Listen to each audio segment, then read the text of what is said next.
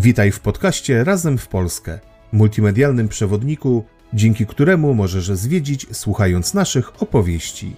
Atrakcje turystyczne, nieoczywiste miejsca, ciekawostki, legendy i zaskakujące historie. Sprawdźcie, co warto zobaczyć i jakie atrakcje odwiedzić.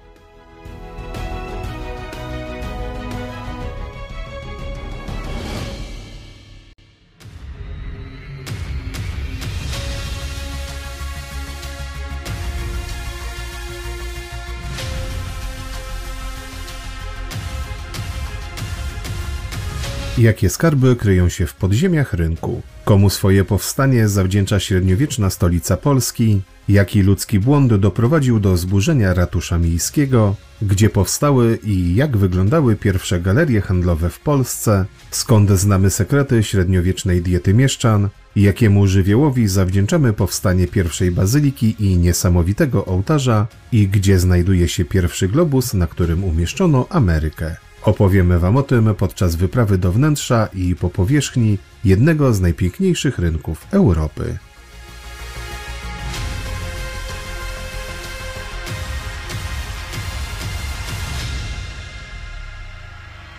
Krakowski rynek główny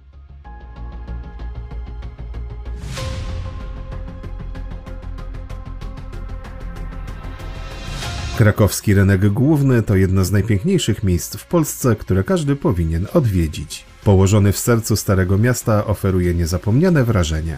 Znajduje się tu wiele atrakcji, takich jak zabytkowe kościoły, muzea czy sklepy z pamiątkami. Wśród nich warto zwrócić uwagę na kościół mariacki z niezwykłym zegarem astronomicznym oraz sukiennice, gdzie można kupić tradycyjne polskie wyroby rękodzielnicze. Jednak tym, co przyciąga turystów z całego świata, jest przede wszystkim niepowtarzalna atmosfera. Zapraszamy do sprawdzenia z nami, co zobaczyć i jakie atrakcje oferuje krakowski rynek główny.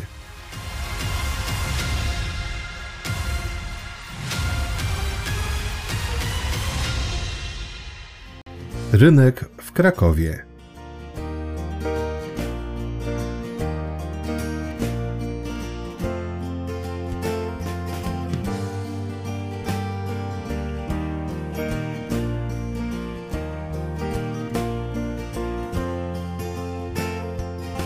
Krakowski rynek to serce miasta, miejsce, które każdego dnia tętni życiem i wprowadza w magiczny nastrój. Ale to nie tylko zabytkowy plac, a przede wszystkim wielowymiarowe doświadczenie, które trzeba przeżyć. Na rynku czeka na Was wiele atrakcji. Ponadto można znaleźć tu także wiele sklepików, kawiarni i restauracji, które serwują przepyszne potrawy. Niezależnie od pory dnia na rynku zawsze panuje wyjątkowa atmosfera, która zapada w pamięć na długo. Zwiedzanie krakowskiego rynku to absolutny must see podczas pobytu w mieście i bez wątpienia nieodłączny element programu każdej wycieczki do Krakowa.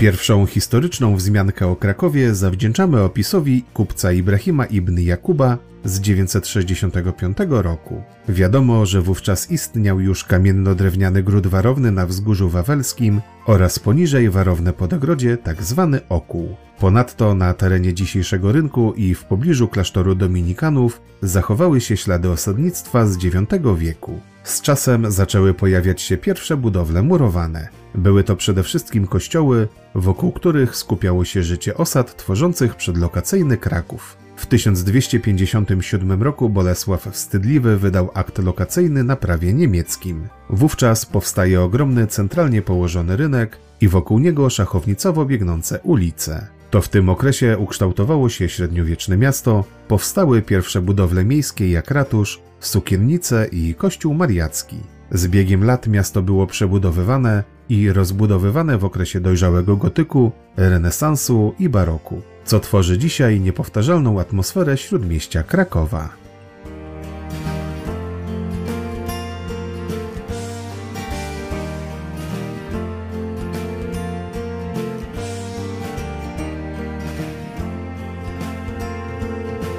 Kraków jako zbitek kilku samodzielnych i nieobwarowanych oprócz wawelskiego około bytów często padał ofiarą najeźdźców. Największe straty przynieśli w 1241 roku Tatarzy, którzy mocno przetrzebili piastowskie ziemie. Po tym wydarzeniu nowy władca Bolesław Wstydliwy postanowił zrobić z tym porządek i utworzyć stolicę z prawdziwego zdarzenia. 5 czerwca 1257 roku na zjeździe w Koperni książę Bolesław Wstydliwy z małżonką Kingą oraz matką swą Grzymisławą, księżną polską i ruską, wydał stosowny dokument lokacyjny dla miasta stołecznego Krakowa, stosując w nim przepisy prawa magdeburskiego. Wkrótce potem pojawili się mierniczy, którzy rozpoczęli wytyczanie działek budowlanych według nowego porządku. Jednak ze względu na dostosowanie istniejącej już struktury poczyniono wiele odstępstw od magdeburskiej reguły. W samym centrum nowej osady wytyczono jednak rynek o wymiarach 200 na 200 metrów, co stwarzało z niego jeden z największych placów miejskich ówczesnej Europy.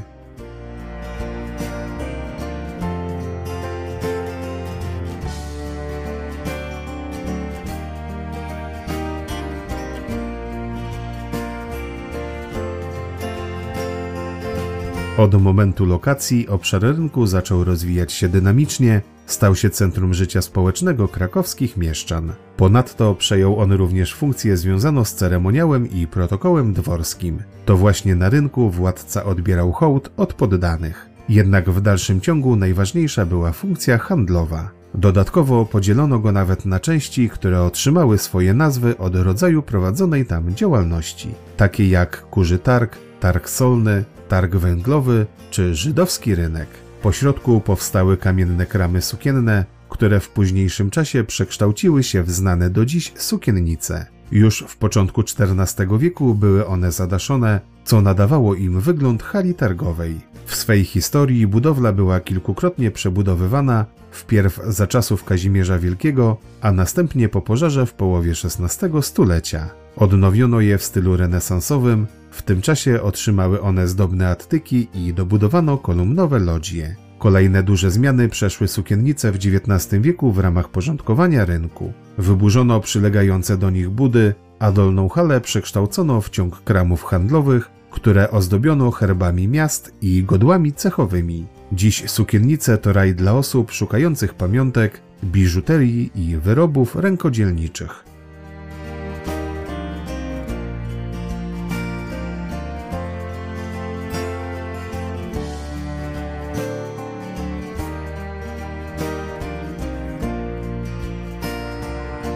Wraz z sukiennicami powstaje także budynek władz miejskich. Ratusz miał wymiary 30 na 10 metrów i początkowo dwie, a w późniejszych czasach trzy kondygnacje. Przylegała do niego 70-metrowa wieża. W kolejnych wiekach ratusz był wielokrotnie rozbudowywany i przebudowywany. Także w XVII wieku stanowił już zlepek kilku przylegających do siebie budowli. W 1820 roku w ramach porządkowania zabudowy rynku postanowiono rozebrać przylegający do ratusza spichlerz. Niestety zrobiono to tak nieudolnie, że uszkodzono również mury magistratu. W efekcie doprowadziło to do rozebrania całego ratusza. Mimo, że pojawiły się doniesienia, że uszkodzenia nie były przypadkowe, nie udało się ich potwierdzić. Ostatecznie do dziś na rynku pozostała jedynie dawna wieża zagarowa ratusza.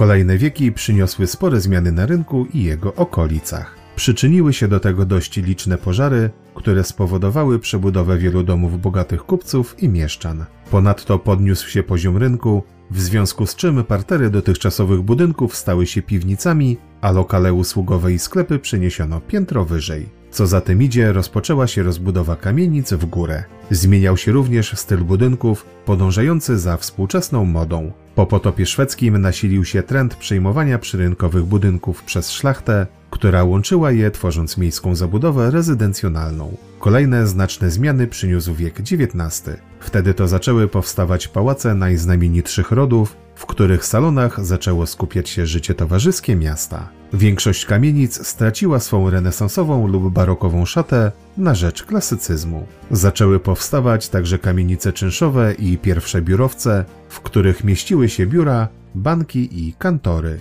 Rozwiązanie takie znane już we Wiedniu było nowością na krakowskim gruncie.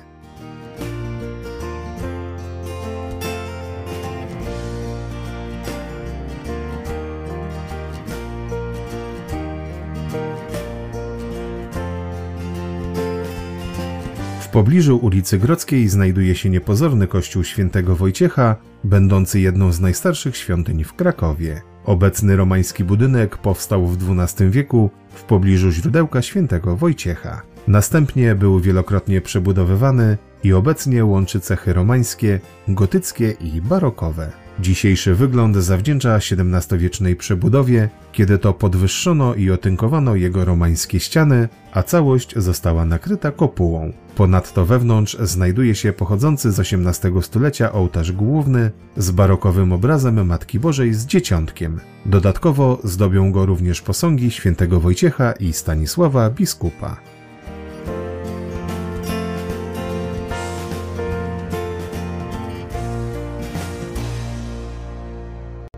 Podziemia krakowskiego rynku.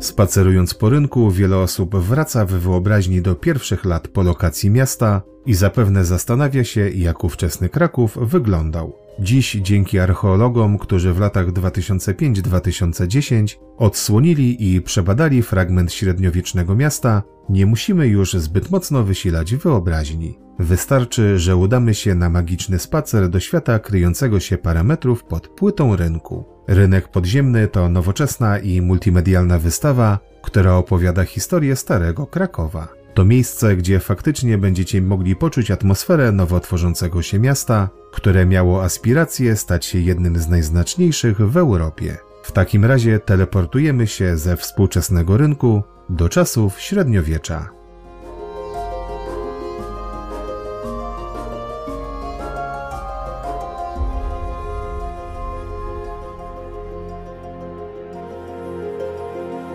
Przez wieki, jak już wspomnieliśmy, życie Krakowa koncentrowało się w dwóch najważniejszych miejscach. Po pierwsze, był to rzecz jasna królewski Wawel, centrum życia dworskiego i wielkiej polityki. Po drugie, był to najważniejszy plac miasta, czyli rynek główny, gdzie biło gospodarcze i społeczne serce miasta. Lecz zanim powstał Kraków jako zwarty organizm miejski, to wokół wzgórza wawelskiego już od VIII wieku toczyło się życie. Gdy w X-XI stuleciu rezydowali tu książęta piastowscy, powstało kilka osad skupionych wokół powstających kościołów. W tym czasie w rejonie dzisiejszego głównego placu toczyło się również życie, choć można zaryzykować stwierdzenie, że było to życie pozagrobowe. A dlaczego? Ponieważ na terenie obecnego rynku, a właściwie w kilku jego miejscach, odkryto przedlokacyjne cmentarzyska. Pierwsze z nich znajdowało się w okolicy kościoła świętego Wojciecha, drugie w okolicy obecnego kościoła mariackiego i wreszcie trzecie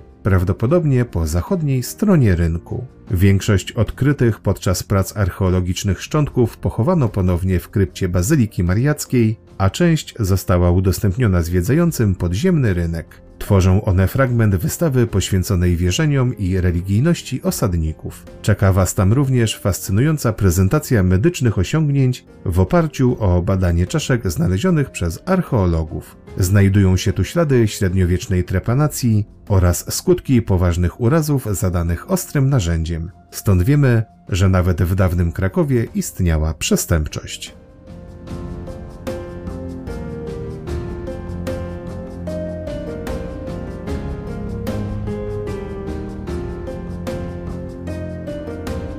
W XI i XII wieku podwawelski Okół robił się powoli za ciasny dla rozwijającego się miasta. Dlatego rozpoczął się intensywny rozwój osad położonych na terenie obecnego rynku. Pojawiło się coraz więcej chat zamieszkiwanych przez rodziny rzemieślnicze. Nie były to, jak podejrzewano do niedawna, luźne skupiska domostw, a w miarę uporządkowana osada z dość regularnym układem. Powstało nawet coś na kształt przyszłego rynku, czyli targowisko z pierwszymi kramami. Co więcej, skutkowało to również zmianą diety mieszkańców. A skąd to wiemy? Otóż archeolodzy wyczytali to z toalet. Znaleziono tam liczne szczątki zwierzęce, a także ości i łuski ryb.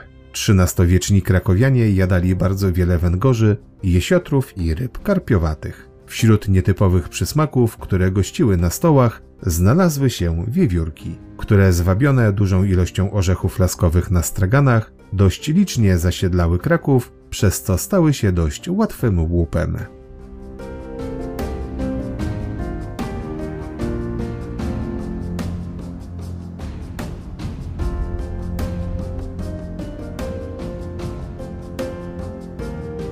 Wraz z lokowaniem miasta zaczęły powstawać najstarsze świeckie budowle Krakowa. Były to tak zwane kramy bolesławowe od imienia księcia Bolesława Wstydliwego. Ustawione były w dwóch rzędach, a przedzielała je wpierw drewniana, a w późniejszym okresie brukowana droga. W kramach handlowano różnymi towarami. Nie będzie więc wielką przesadą nazwanie ich dzisiejszym określeniem galeria handlowa. W podziemnym rynku mamy dziś możliwość podziwiania tych reliktów odsłoniętych przez archeologów. Ich bezpośrednimi następcami były kramy bogate, których nazwa nawiązuje do wystawianych tu luksusowych towarów. W średniowieczu Kraków był bardzo poważnym ośrodkiem europejskiego handlu, a rynek główny jednym z najważniejszych placów handlowych ówczesnego świata.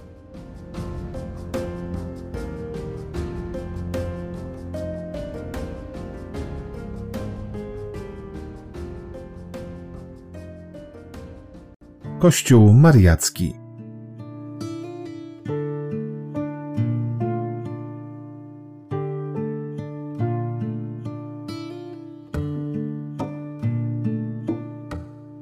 Jeden z symboli Krakowa, Kościół Mariacki, a tak właściwie to Kościół archipresbiterialny w niebowzięcia Najświętszej Marii Panny, jest jednym z najważniejszych i najwspanialszych obiektów znajdujących się na krakowskim rynku. Ten wspaniały zabytek znamy przede wszystkim z hejnału i ołtarza Wita Stwosza. Jednak niewielka liczba turystów zna jego dzieje, a szkoda, bo wtedy być może inaczej spojrzeliby na tą ponad 800-letnią świątynię mieszczańską.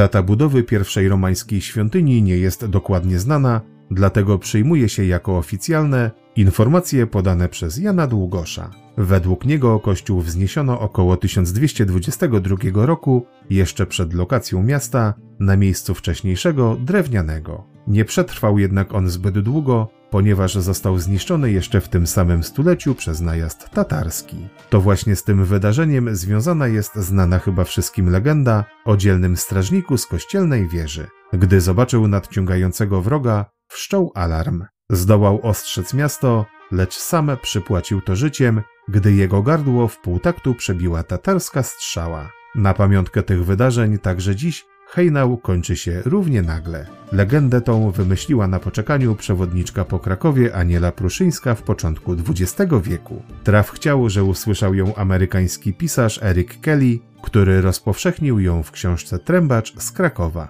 I tak już zostało.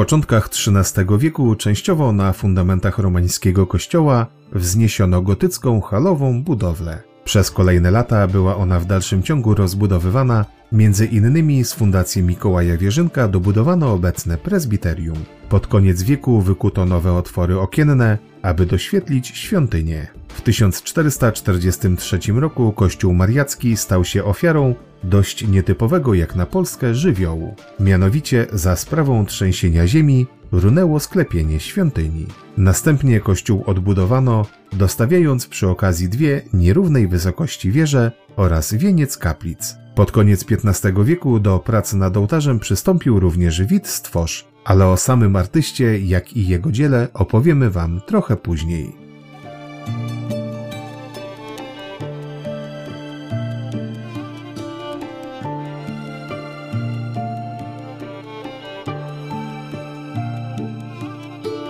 W XVIII wieku na polecenie archipresbitera Jana Augustyna Łopackiego wnętrze gruntownie przerobiono w stylu późnego baroku. Autorem tych prac był Francesco Placidi. Ponadto wymieniono wtedy 26 ołtarzy, sprzęt, wyposażenie, ławy, obrazy, a ściany ozdobiono polichromią pędzla Andrzeja Radwańskiego. Z tego okresu pochodzi również późnobarokowa kruchta. Wiek XIX rozpoczął się od likwidacji przykościelnego cmentarza. W kolejnych latach następuje zmiana wyposażenia kościoła w stylu neogotyckim pod kierunkiem Tadeusza Stryjeńskiego. Warto wspomnieć, że to w tym czasie powstała przepiękna polichromia projektu i autorstwa Jana Matejki. Co więcej, kościół zyskał wspaniałe witraże autorstwa Stanisława Wyspiańskiego i Józefa Mechofera.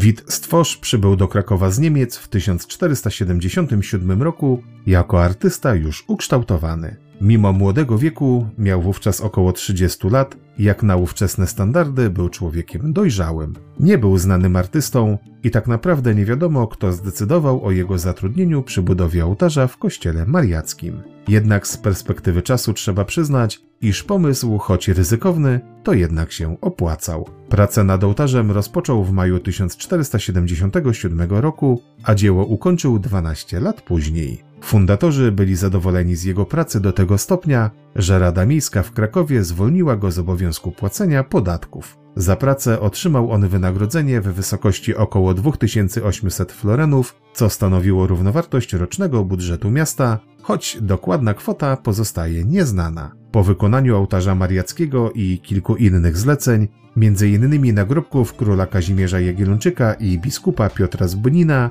stworz w 1496 roku przeprowadził się ponownie do Norymbergi. Tam nieudanie zainwestował zarobiony majątek i posunął się do sfałszowania weksla. Mimo to tylko dzięki wstawiennictwu biskupa z Wolfsburga uniknął kary śmierci lub oślepienia. Warto zaznaczyć, że jego kłopoty z prawem skończyły się dopiero 10 lat później dzięki ułaskowieniu przez cesarza Maksymiliana. Ostatecznie Wit Stworz zmarł w Norymberdze w 1533 roku w wieku 85 lat.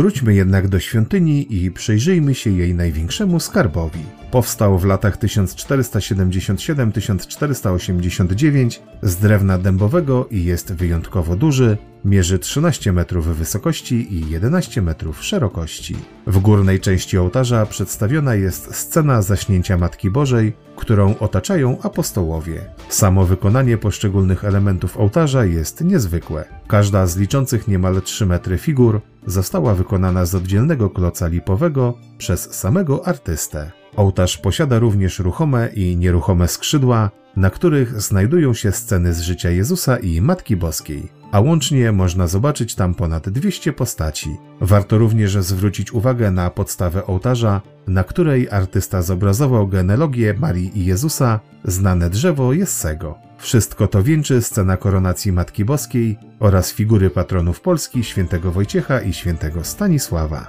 Co ciekawe, ołtarz ten wyróżnia się nie tylko swoim pięknem, ale również niezwykłym realizmem. Stworz nadał postaciom rysy ludzi z jego czasów, uwzględniając wszystkie szczegóły, także te nie najpiękniejsze. Drobiazgowość jest tak duża, że w latach 30. XX wieku na podstawie ołtarza powstała nawet praca z dziedziny dermatologii poświęcona chorobom skórnym w średniowiecznym Krakowie. Warto zaznaczyć, że mimo swej nieocenionej wartości przez ponad 300 lat zapomniano o jego autorze. Dopiero w 1824 roku profesor Ambroży Grabowski ustalił tożsamość artysty przeglądając archiwalne dokumenty.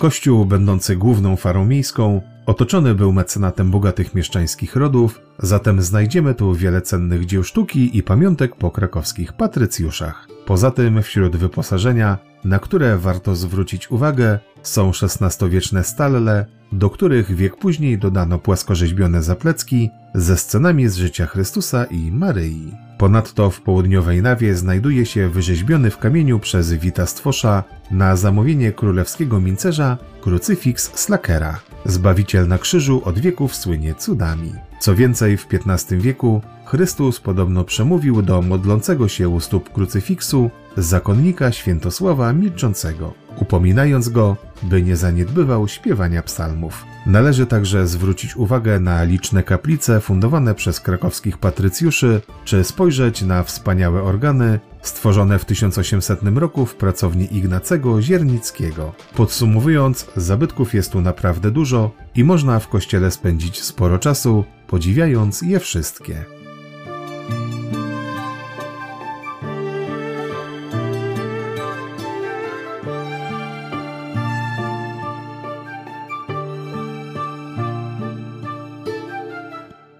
Collegium Majus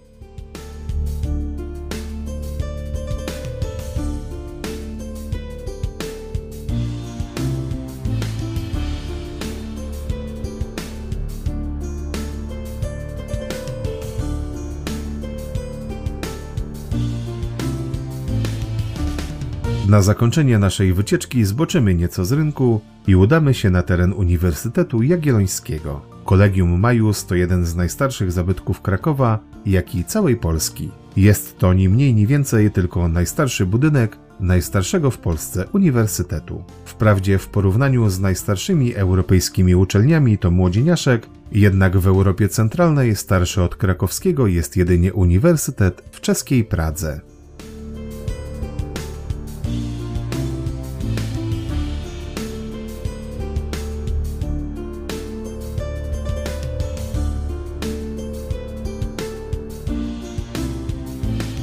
Powstanie krakowskiej akademii związane jest z osobą króla Kazimierza Wielkiego, który powołał Wszechnicę w 1364 roku. Początkowo zajęcia odbywały się prawdopodobnie na Zamku Wawelskim. Niestety studium generale podupadło z braku Wydziału Teologicznego, na którego utworzenie nie wydał zgody papież. Odnowienie uczelni nastąpiło za sprawą królowej Jadwigi, która zapisała w testamencie wszystkie swoje kosztowności na cel odnowienia uniwersytetu. W roku 1400 Władysław Jagiełło odkupił za 600 grzywien narożną kamienicę od rodziny pęcherzów i tam umiejscowił odnowioną Akademię Krakowską. Budowla została powiększona w XV wieku poprzez dokupienie sąsiednich budynków. Po pożarze w 1492 roku wszystkie budynki połączono i rozbudowano, a wewnętrzny dziedziniec otoczono arkadowymi krużgankami. W Kolegium Majus na parterze mieściły się lektoria, czyli sale wykładowe, a na piętrze izba wspólna,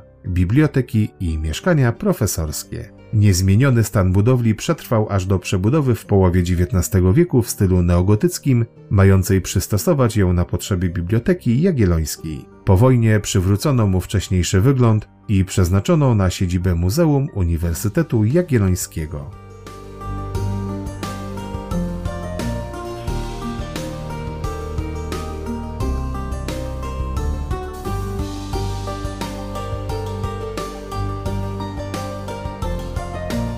Począwszy od XV wieku, Akademia Krakowska przyciągała studentów z całej Europy. Słynęła zwłaszcza z nauki prawa, matematyki i astronomii. Studentem był tu m.in. Mikołaj Kopernik, a według legendy tajniki magii i czarnoksięstwa zgłębiali dr Faust oraz polski alchemik mistrz Twardowski. W tym samym okresie miała wstąpić w progi uczelni pierwsza niewiasta, legendarna Nawojka, Niestety w wykładach uczestniczyła w męskim przebraniu.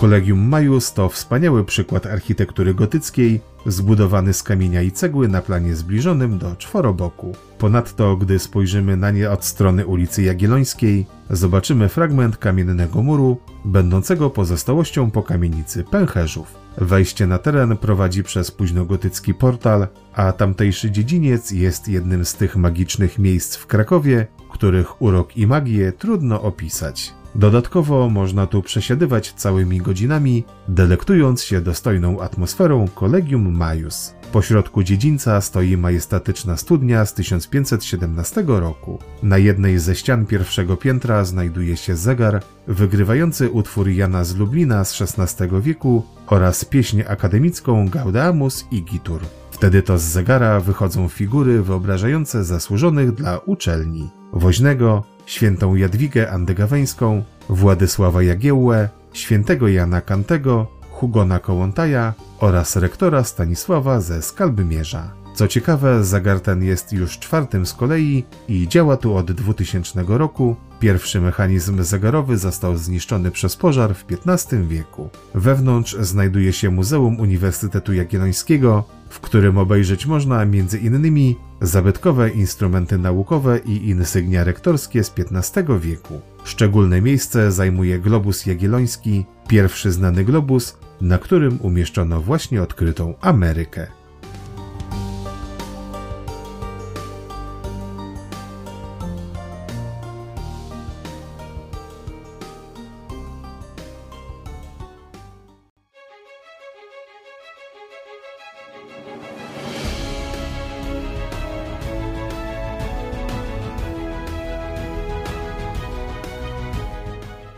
To już koniec naszej dzisiejszej opowieści. Przypominamy, że wszystkie atrakcje, o których tu dziś słyszeliście, możecie obejrzeć na naszym kanale Razem w Polskę na YouTube oraz przeczytać o nich w serwisie wypoczywamywpolsce.pl. Zapraszamy na kolejne nasze podcasty.